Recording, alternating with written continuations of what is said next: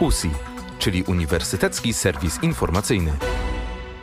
Maj jako miesiąc urodzin Uniwersytetu obfitował w wydarzenia. Uniwersyteckim serwisie informacyjnym witają Agnieszka Książkiewicz i Przemysław Stanula. Dramatopisarka Anna Wakulik otrzymała tegoroczną nagrodę stypendium imienia Stanisława Barańczaka.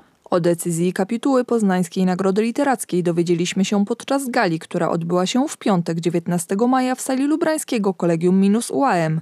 W trakcie uroczystości wręczono także nagrodę imienia Adama Mickiewicza. Z rąk rektorki UAM, profesor Bogumiły Kaniewskiej oraz prezydenta Poznania Jacka Jaśkowiaka odebrała ją Zyta Rudzka, pisarka, dramatopisarka, scenarzystka, psycholożka, której nazwisko jako laureatki Poznańskiej Nagrody Literackiej 2023 zostało ogłoszone w kwietniu. Więcej na temat laureatek możecie Państwo dowiedzieć się z rozmowy z profesorem Piotrem Śliwińskim i profesorem Marcinem Jaworskim, która jest już na naukowej dzielnicy. 12 maja w sali Senatu Uniwersytetu im. Adama Mickiewicza w Poznaniu odbyło się posiedzenie Uniwersyteckiej Komisji Umiędzynarodowienia Konferencji Rektorów Uniwersytetów Polskich. Obrady zespołu dotyczyły przede wszystkim tematu mikropoświadczeń, ich wpływu i znaczenia dla internacjonalizacji. Dyskusje objęły również program studiów, podwójnych dyplomów oraz tego, z jaką praktyką i wyzwaniami spotyka się współpraca międzynarodowa. Rektorka UAM profesor Bogumiła Kaniewska wzięła także udział w Forum Rektorów Polski i Uzbekistanu. W ramach wydarzenia pani rektor współprzewodniczyła panelowi na temat współpracy uniwersytetów obu krajów. Forum odbyło się z inicjatywy Konferencji Rektorów Akademickich Szkół Polskich oraz Uzbeckiego Związku Rektorów. Czym byłby maj na uniwersytecie bez tradycyjnego koncertu majowego? Tym razem odbył się on pod hasłem Allegro ma non troppo.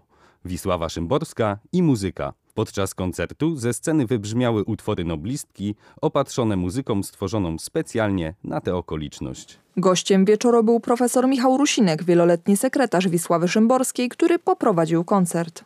Z interpretacją twórczości noblistki mierzyli się także finaliści konkursu recytatorskiego wierszy Wisławy Szymborskiej. Zwycięstwo zapewniła Karolinie Klemczak recytacja utworu Kałuża. Drugie miejsce w konkursie zajęła Anna Szmania-Binek, która zaprezentowała wiersz Pierwsza fotografia Hitlera. Trzecią nagrodę zdobyła Patrycja Gorczyńska za recytację Pokoju samobójcy. Wiersze Szymborskiej nie są patetyczne, nie są wielkie. One są bardzo osobiste i, i dotyczą tego, co w głębi serca. I wydaje mi się, że to jest całe clue poezji szymborskiej. Ja myślę, że najważniejsze to kierować się sercem. Powiedzieć to tak, jak czuje to serce i wtedy będzie to autentyczne. I to, to mnie też porusza w wierszach Szymborskiej, bo, bo nie każdy jej wiersz mnie porusza, nie każdy jej wiersz zauważam. Są takie, na których rzeczywiście długo się zatrzymuję, bo one mnie dotykają, bo, bo są tak prawdziwe, tak trafne, tak... E, takie wow. Bardzo cenię sobie polskie poetki. Wisławę Szymborską czy Zuzannę Ginczankę to są takie nazwiska, które uważam, że e, każdy Polak powinien znać, ale zdecydowanie każda kobieta, że one mówią prawdę, mają w sobie coś realnego, coś prawdziwego, co uważam, że jest ważne i powinniśmy się tego uczyć w szkołach, powinniśmy e, czytać, recytować, poznawać Szymborską, bo ona wie o czym mówi po prostu. Jak mówi pani prorektor profesor Joanna Wójcik, przewodnicząca jury, oceniający nie mieli łatwego zadania. Tego typu decyzje zawsze są bardzo trudne. Tak? 15 młodych ludzi, którzy e, recytują wiersze szymborskie, trudną poezję, wymagającą. Niektórzy zdawali sobie z tego sprawę w sposób znaczący, inni próbowali e, swoich sił proponując swoje własne odczytania, swoje własne interpretacje. Udało nam się wyłonić finałową trójkę, różne interpretacje, różne odczytania, różne emocje. E, czasem bardziej powściągliwe, czasem bardziej ekspresywne. Myślę, że to była, e, było z jednej strony święto poezji, święto szymborskiej, ale też taka lekcja, e, lekcja pokory wobec poezji. Konkurs recytatorski był kolejnym wydarzeniem na UAM w roku Wisławy Szymborskiej. Było coś dla ducha, a teraz o czymś dla ciała. Dzień Sportu zgromadził na uniwersyteckich obiektach wiele osób zainteresowanych aktywnością fizyczną. Był to także najlepszy dzień na podsumowanie dotychczasowej aktywności fizycznej pracowników oraz studentów uniwersytetu. W międzywydziałowych rozgrywkach sportowych udział wzięło 3749 osób, czyli około 10% społeczności akademickiej UAM. Od października ubiegłego roku do maja tego roku rozgrywano eliminacje w wielu dyscyplinach, m.in. w futsalu, tenisie, unihokeju, pływaniu, szachach czy esporcie. Najlepszy okazał się Wydział Neofilologii, który wyprzedził Wydział Nauk Politycznych i Dziennikarstwa oraz Wydział Studiów Edukacyjnych. Z kolei akcję Wiosenny Rozruch na UAM wygrał Wydział Fizyki z blisko 13 tysiącami kilometrów na liczniku. W rozruchu wzięło udział niemal 500 osób, które mogły spacerować, maszerować, jeździć na rowerze lub rolkach, a także uprawiać Nordic Walking.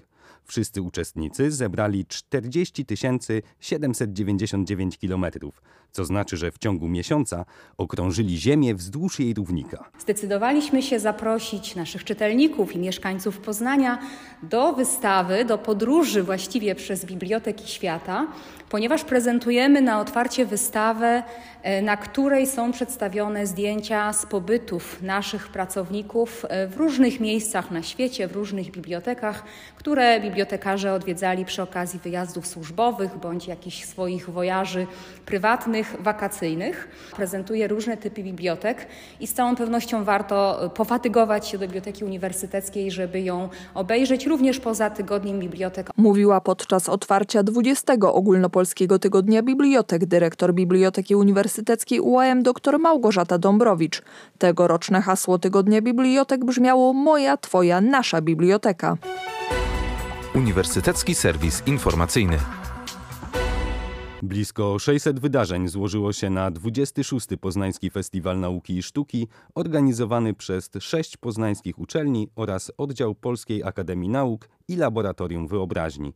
Jak zapewniali organizatorzy, festiwal to podróż, podczas której uczestnicy mieli okazję na przykład podjąć czekoladowe wyzwanie smaku, przekonać się jak wygląda chemia od kuchni, zwiedzić Dolinę Warty, wykonać laparoskopię, a także odpowiedzieć na kilka nietypowych pytań, takich jak co tłumacz konferencyjny może mieć wspólnego z pilotem samolotu oraz gdzie mieszka szczęście. 15 maja to w Korei Południowej Dzień Nauczyciela. Dlatego data obchodów dwudziestolecia filologii koreańskiej na Uniwersytecie imienia Adama Mickiewicza w Poznaniu została wybrana nieprzypadkowo, mówił podczas obchodów jubileuszu dr Paweł Kida, kierownik Zakładu Języka Koreańskiego na UAM, dziękując wszystkim osobom, które na uniwersytecie przyczyniają się do kształcenia studentów koreanistyki. Dziś jest wasze święto dodał dr Kida. Po części oficjalnej studenci filologii koreańskiej UAM zaprezentowali program artystyczny, przedstawiający tradycyjne koreańskie utwory wokalne, taneczne oraz teatralne. W drugiej części wydarzenia młodzi koreaniści prezentowali także utwory współczesnej kultury koreańskiej. Między 18 i 21 maja odbyły się poznańskie juwenalia. Jak bawili się studenci po długiej przerwie związanej z pandemią? Posłuchajmy Marty Gruszczyńskiej-Ludwiczak z Fundacji 1 Uniwersytet. W dniach 18-20 maja po czteroletniej przerwie w Parku Jana Pawła II odbyły się poznańskie juwenalia, które organizowało 13 poznańskich uczelni wraz z porozumieniem samorządów studenckich uczelni poznańskich oraz Fundacją Jeden Uniwersytet. Impreza rozpoczęła się wspólnym odtańczeniem poloneza oraz pochodem juwenaliowym, który na teren imprezy ruszył spod poznańskiego AWF-u. Podczas trzydniowego wydarzenia w parku pojawiło się około 50 tysięcy uczestników, którzy mieli okazję bawić się w dwóch strefach muzycznych. Na dużej scenie wystąpiło 12 artystów, w tym Vito Bambino, Zalewski czy Oki. Mniejsza scena gościła 13 młodych i obiecujących wykonawców. Na przybyłych na terenie czekała strefa z animacjami, z elementami świetlnymi inspirowanymi magią i światłem oraz sektor food trucków. Studenci bawili się podczas wspólnych tańców, śpiewali na karaoke oraz grali w twistera. Skakali przez przeszkody, grali w Twidicza i brali udział w wieloboju studenckim. Na miejscu odbyło się również wiele quizów i konkursów. Juwenalia za nami, ale zapraszamy na wielkie grillowanie, które odbędzie się już 6 i 7 czerwca na kampusie Morasko. W Kolegium Polonikum w Słubicach odbyła się konferencja naukowa Polska w Unii Europejskiej. Rezultaty i scenariusze na przyszłość z perspektywy 20. rocznicy podpisania traktatu akcesyjnego. Uczestniczyli w niej obecni i byli politycy, którzy odegrali istotne role w procesie akcesji Polski do Unii Europejskiej. Jak mówił prorektor UAM, profesor Tadeusz Wallas, Okres, jaki upłynął od tych wydarzeń, jest wystarczający do ukazania korzyści oraz kosztów akcesji z punktu widzenia Polski, Unii Europejskiej i Europy. Kolegium Polonikum w Słubicach to także miejsce, gdzie widać wieloletnią owocną współpracę naszej uczelni z Uniwersytetem Wiadrina we Frankfurcie nad Odrą. Urząd prezydenta Wiadriny objął 27 kwietnia profesor dr Edward Mühle. Jak podkreślał podczas uroczystości, współpraca między Wiadriną a Uniwersytetem imienia Adama Mickiewicza może nie tylko zostać zintensyfikowana poprzez Kolegium Polonikum. Kolegium może, a nawet musi stać się miejscem poza tą bilateralnością, w którym także inne uniwersytety będą mogły dołączyć do sieci współpracy między Wiadriną a UAM. Fundacja imienia profesora Tadeusza Zgółki zainaugurowała działalność.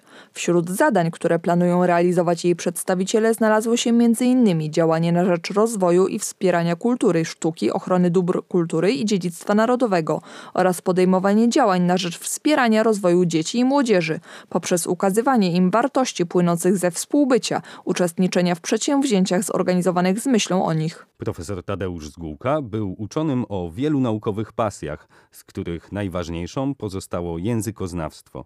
Naukowiec zmarł 26 kwietnia 2021 roku. Zwierzę przede mną to temat wystawy, którą można oglądać w Muzeum Narodowym w Poznaniu.